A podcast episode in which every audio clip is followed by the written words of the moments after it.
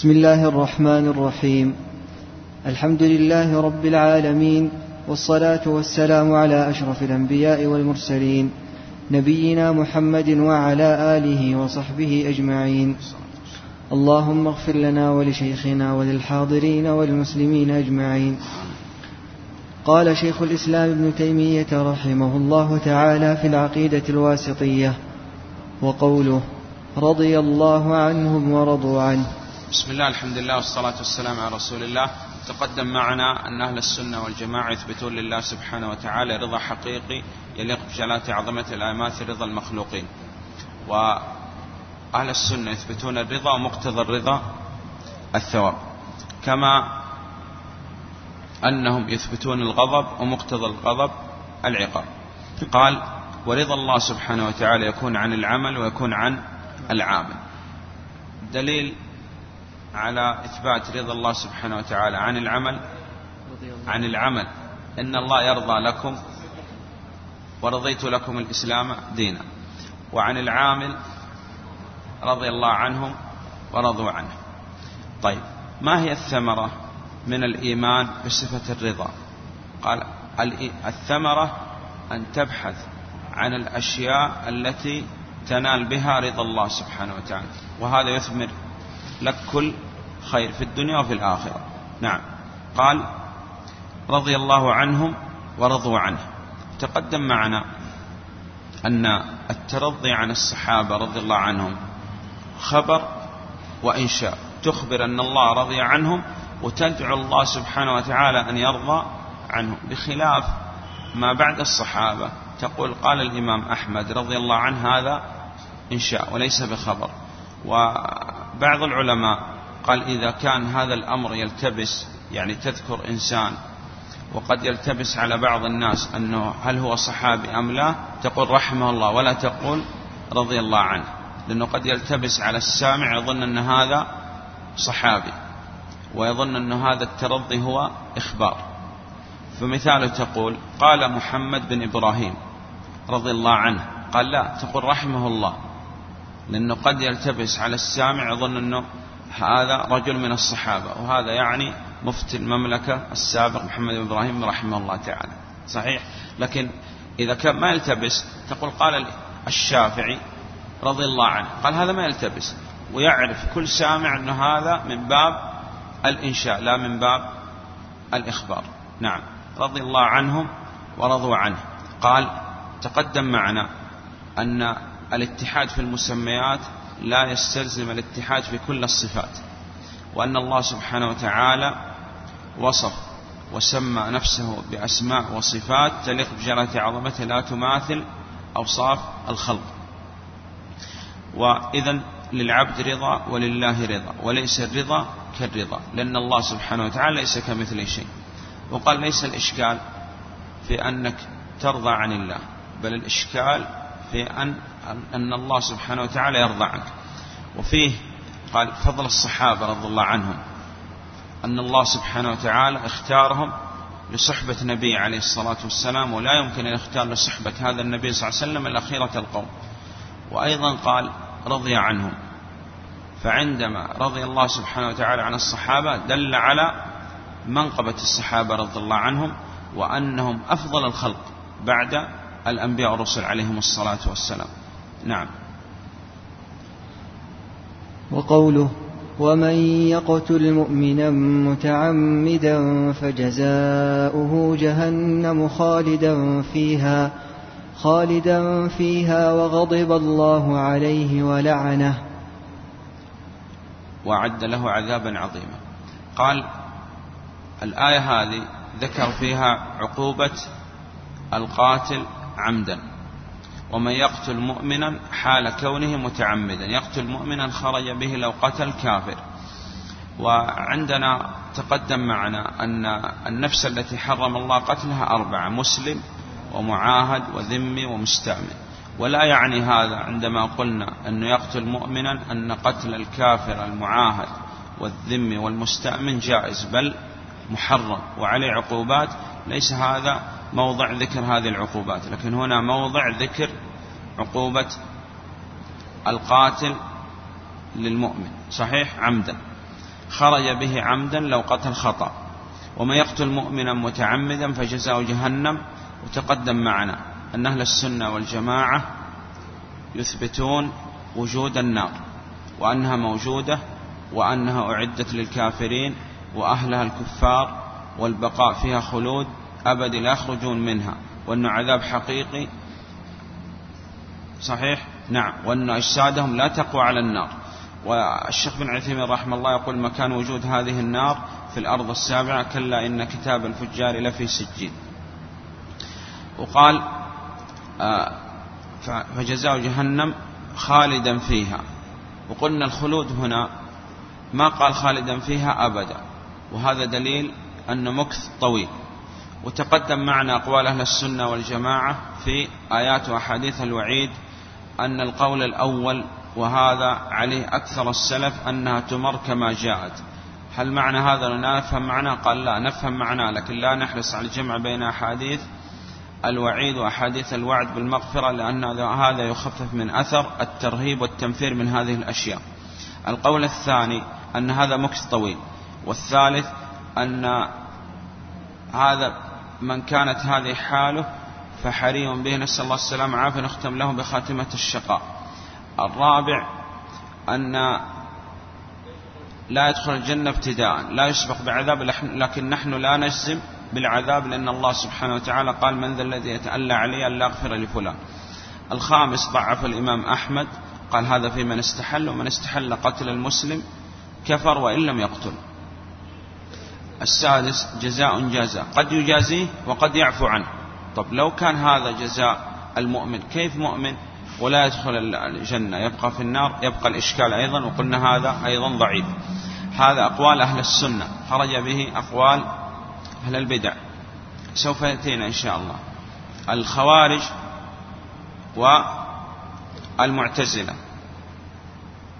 يقول أن فاعل الكبيرة الخوارج يقولون في الدنيا كافر. والمعتزلة يقول في الدنيا في منزلة بين المنزلتين وفي الآخرة خالد مخلد خلود أبد اتفقوا في الآخرة اختلفوا في الدنيا. والمرجع يقول مؤمن كامل الإيمان سوف يأتي معنا أن أهل السنة والجماعة يقول هو مؤمن بإيمان فاسق بكبيرة أو مؤمن ناقص الإيمان. فجزاء جهنم خالدا فيها وغضب الله عليه وغضب الله عليه. يقول هذا هو الشاهد في الآية.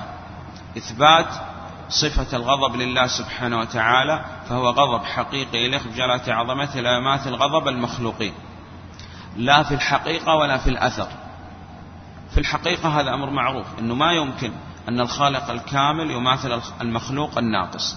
في الأثر إذا غضب المخلوق قد يؤدي هذا الغضب إلى ماذا؟ إلى أنه يصنع شيء من التجاوز والمعاصي من ذلك. قد يغضب ويكسر بعض الأشياء أو يقتل أو يصنع شيء من هذا. ولذلك النبي صلى الله عليه وسلم قال لصحابي قال لا تغضب. قال فرأيت كل الخير في ترك للغضب. وابن القيم رحمه الله يقول أن مداخل الشيطان على الإنسان من ثلاثة من ثلاثة أبواب. الباب الأول الغفلة والباب الثاني الشهوة والباب الثالث الغضب. فإذا قال تنبهت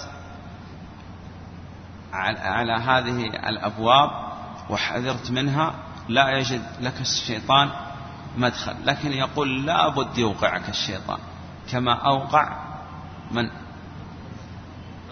آدم عليه الصلاة والسلام. قال آدم عرف بأنه حليم وكذا ويقول ظل وراءه حتى أوقعه.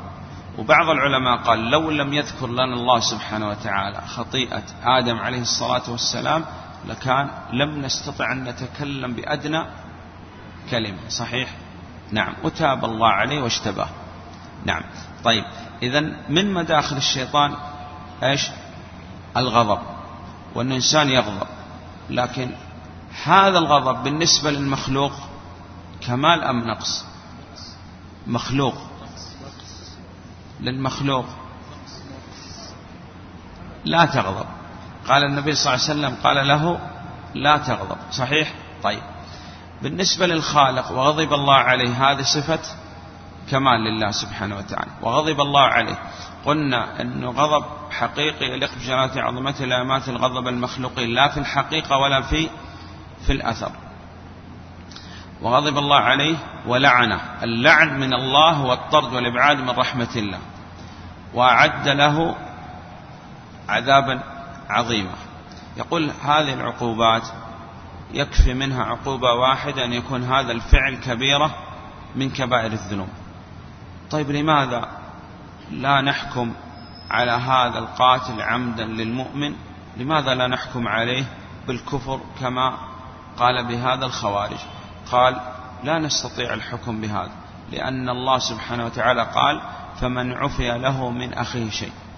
وهذا سوف يأتي معنا في الرد على أدلة وشبه الخوارج الرد عليهم ويعني ناسب الآن أنه لابد أن نذكر طالما الآية هذه يعني فيها قد يحتج بها إنسان على هذا الباطل. وهذا الرد قال فمن عفي فسماه أخ له في الله. طيب. إذا المصنف رحمه الله أراد بهذه الآية إثبات صفة الغضب لله سبحانه وتعالى وقلنا أهل السنة يثبتون لله غضب حقيقي إلى خشالات عظمة لا الغضب المخلوق لا في الحقيقة ولا في الأثر ويثبتون الغضب ومقتضى الغضب. نعم.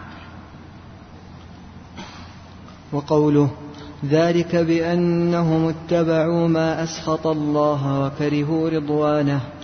آه أهل السنة والجماعة يثبتون لله سبحانه وتعالى سخط حقيقي لقجرات عظمته لا يماثل سخط المخلوقين ومر معنا هذا في كتاب التوحيد فمن رضي فله الرضا ومن سخط فله السخط. طيب نعم. قال وكرهوا رضوانه. وفي هذه الآية أيضا إثبات الرضا لله سبحانه وتعالى فهو رضا حقيقي بجلالة عظمته لا يماثل رضا المخلوقين. نعم. وقوله فلما آسفونا انتقمنا منهم. أهل السنة والجماعة يحتجون بهذه الآية على من يقول أن الغضب هو الانتقام أو إرادة الانتقام. وقولوا لو كان هذا الكلام صحيح كان معنى الآية فلما انتقمنا انتقمنا. ولا يمكن يكون هذا المعنى معنى صحيح. وهذا فيه حجة لأهل السنة والجماعة في إثبات صفة الغضب والسخط والمقت لله سبحانه وتعالى على الوجه اللائق به سبحانه وتعالى. نعم. والأسف قال يأتي بمعنى الحزن وهذا منزه الله سبحانه وتعالى عنه. لماذا؟ أنه تقدم معنا أن الله سبحانه وتعالى يوصف بكل كمال وينزع عن كل صفة نقص وعيب. ومنها قال أن الأسف يأتي بمعنى الحزن. قال قول الله سبحانه وتعالى يا أسف على يوسف. وهذا بمعنى الحزن ويأتي بمعنى كما في هذه الآية. إيش معنى أسف هنا؟ الغضب. نعم. وهذا ثابت لله سبحانه وتعالى على الوجه اللائق به سبحانه وتعالى. نعم. وقوله ولكن كره الله بعاثهم فثبطهم ولكن كره الله وهذا فيه إثبات صفة الكراهة لله سبحانه وتعالى أنه قد يكره العمل وقد يكره العامل. آه، انبعاثهم للخروج والجهاد مع رسول الله صلى الله عليه وسلم. وقيل اقعدوا مع القاعدين إما أن الله سبحانه وتعالى قال هذا كونا أنهم يقعدوا مع القاعدين أو أن بعضهم قال لبعض اقعدوا مع القاعدين. ويصح الجمع بين الاثنين. أن الله سبحانه وتعالى قدر هذا كونا وقدر الله سبحانه وتعالى أن بعض هؤلاء يقول لبعض اقعدوا مع القاعدين. نعم وهذا فيه قال التحذير من مشابهة المنافق لأنهم نافقوا وعندما يكون هناك غنيمة وما إلى ذلك قال أراد الخروج مع النبي صلى الله عليه وسلم. وعندما يكون هناك يعني في شيء من الحر أو كذا كما حصل في غزوة تبوك قال يتقاعس عن الخروج مع النبي صلى الله عليه وسلم. والموحد حقا لابد قال أن العبد أن لله على العبد عبودية في السراء وعبودية في الضراء. وقال الإشكال ما هو في السراء؟ الإشكال في الضراء. صحيح؟ نعم. إذا لابد أن تظهر العبودية لله في السراء وفي الضراء. نعم. وقوله كبر مقتا عند الله أن تقولوا ما لا تفعلون. في هذه الآية إثبات صفة المقت لله سبحانه وتعالى على الوجه اللائق به. ويصان الله سبحانه وتعالى الظنون الكاذبة. وأنه قال الشيخ بن عثيمين رحمه الله يتفاوت. كبر مقتا عند الله. طيب أن تقولوا ما لا تفعلون فيه التحذير عن أن الإنسان يتكلم بشيء وهو لا يأتي به. نعم. وقوله هل ينظرون إلا أن يأتيهم الله في ظلل من الغمام والملائكة وقضي الأمر؟ أراد المصنف رحمه الله بإراد هذه الآيات إثبات صفة المجيء والإتيان لله سبحانه وتعالى وأهل السنة والجماعة يثبتون لله سبحانه وتعالى مجيء وإتيان يليق بجلال عظمته لا يماثل مجيء وإتيان المخلوقين. ويأتي إن شاء الله الرد على من قال أن المجيء والإتيان للأمر أو للملائكة بالآية التي تلي هذه الآية وهذا فيها رد من أهل السنة والجماعة أن الله سبحانه وتعالى غاير بين مجيء سبحانه وتعالى وبين مجيء الأمر والملائكة. نعم. قال هل ينظرون يعني ما يمنع هؤلاء من الدخول في دين الله؟ هل يمنعهم إذا جاء الله سبحانه وتعالى الفصل بين الخلائق يوم القيامة؟ لا ينفع الإيمان يومئذ. إذا ما ينتظر هؤلاء. كأن هذه الآية فيها إنكار على هؤلاء لأنهم لا يستجيبوا للأنبياء والرسل عليهم الصلاة والسلام. ما ينتظر هؤلاء. هل ينتظر هؤلاء عندما يأتي الله سبحانه وتعالى الفصل بين الخلائق؟ وإذا جاء الله سبحانه وتعالى مجيء حقيقي يليق بجلالة عظمته. لا يماثل مجيء المخلوقين. يوم القيامة الفصل بين الخلائق لا ينفع الإيمان يومئذ. مفهوم؟ هل ينظرون إلا أن يأتيهم الله؟ وقلنا أن أهل السنة والجماعة يثبتون لله إتيان حقيقي وهذا الدليل من الأدلة. إلا أن يأتيهم الله في ظلل من الغمام قال الغمام هو السحاب الأبيض والملائكة. نعم. فإن الملائكة قال تأتي لمجيء الله سبحانه وتعالى. نعم. وقضي الأمر هذا هو هو يعني الرد على الكفار أن قضي الأمر وما بقي لأحد أن يؤمن في هذا اليوم.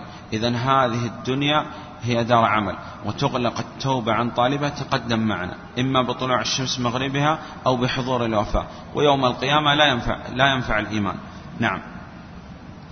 وقوله إذا ثمرة الإيمان بصفة المجيء والإتيان أن تخاف من الله سبحانه وتعالى وتبادر بالدخول في دين الله وامتثال الأوامر واجتناب النواهي. نعم. لأن يوم القيامة يقضى الأمر ولا ينفع الإيمان. نعم.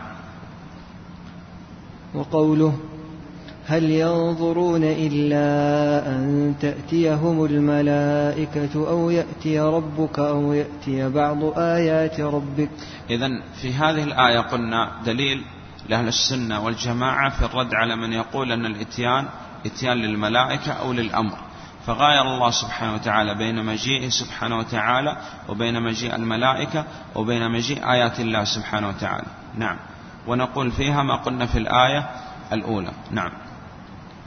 وقوله كلا إذا دكت الأرض دكا دكا وجاء ربك والملك صفا صفا. كلا إذا دكت الأرض دكا دكا. دكة الثانية إما أنها توكيد للأولى أو تأسيس. وهذا الأولى يعني دكا بعد دك. وجاء ربك وهذا الشاهد. أن أهل السنة والجماعة يثبتون لله سبحانه وتعالى مجيء حقيقي لك جلاله عظمة مثل مثل مجيء المخلوقين. وجاء ربك والملك أغاير بين مجيء سبحانه وتعالى ومجيء الملائكة. صفا صفا إما صفا الثانية توكيد للأولى أو صفا بعد صف يعني مترصين نعم. طيب.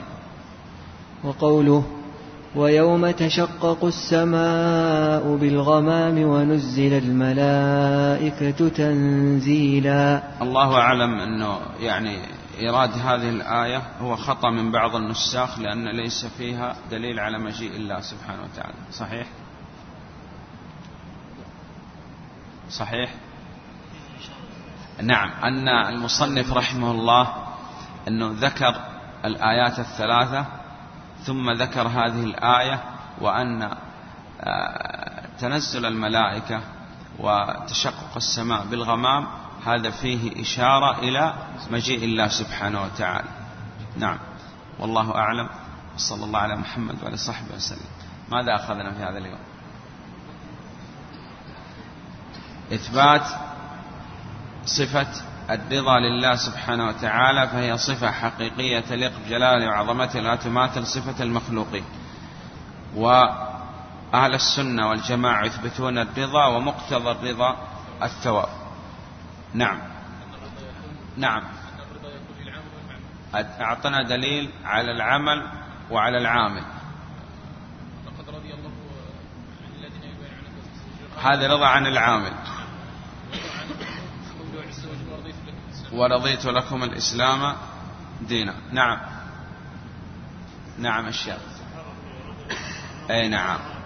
أن هذا فيه منقبة للصحابة رضي الله عنهم أن الله سبحانه وتعالى قدم رضاه سبحانه وتعالى عنهم. وقلنا ليس الإشكال في أن ترضى عن الله لكن الإشكال في أن الله يرضى عنك وأن الله سبحانه وتعالى رضي عن الصحابة أجمعين. صحيح؟ والترضي عنهم هذا من باب الإنشاء والإخبار. نعم. أي نعم. أثبت الله سبحانه وتعالى للصحابة رضا وأثبت الله سبحانه وتعالى نفسه المقدسة عن كل نقص وعيب رضا. ولا يلزم من إثبات هذا أن يكون رضا كالرضا ولا غضب كالغضب ولا حياة كالحياة. لأن الله سبحانه وتعالى ليس كمثله شيء. أي نعم. الرد يقول على الخوارج والمعتزلة ومن يكفر بالكبيرة بقول الله سبحانه وتعالى فمن عفي له من أخيه شيء.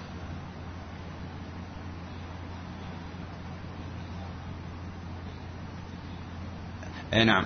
لأن الله سبحانه وتعالى غاير بين مجيء ومجيء الأمر ومجيء الملائكة. ابن القيم يقول أن مداخل الشيطان على الإنسان من ثلاثة أبواب. الأول الغفلة والثاني الشهوة والثالث الغضب. ولذلك قال النبي صلى الله عليه وسلم لا تغضب. نعم.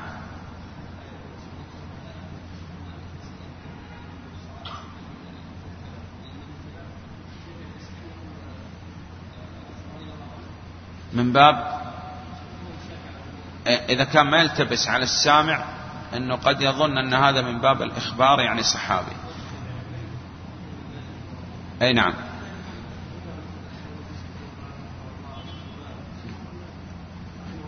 طيب ما في إشكال.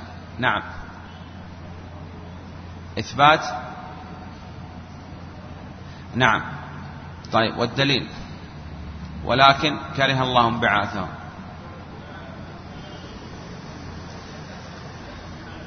وهذا منزه عنه الله سبحانه وتعالى. ويأتي بمعنى الغضب وهذا هو الذي يثبت أهل السنة والجماعة لله سبحانه وتعالى وجه اللائق به. نعم يا شيخ. يقول الغضب أو شدة الغضب في مغاير.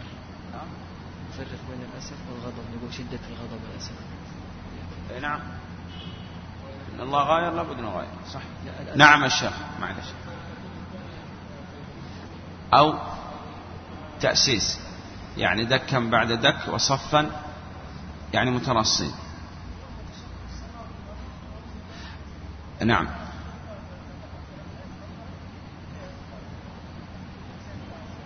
المجيء والاتيان. أيضا. يا شيخ فلما يصفون الأسف والغضب. يعني الأسف هي شدة الغضب. أي نعم هو شدة الغضب. وأهل السنة والجماعة يثبتون غضب و والانتقام والأسف والكراهة والمقت. والسخط لله سبحانه وتعالى. نعم. لا بد من هذا. نعم.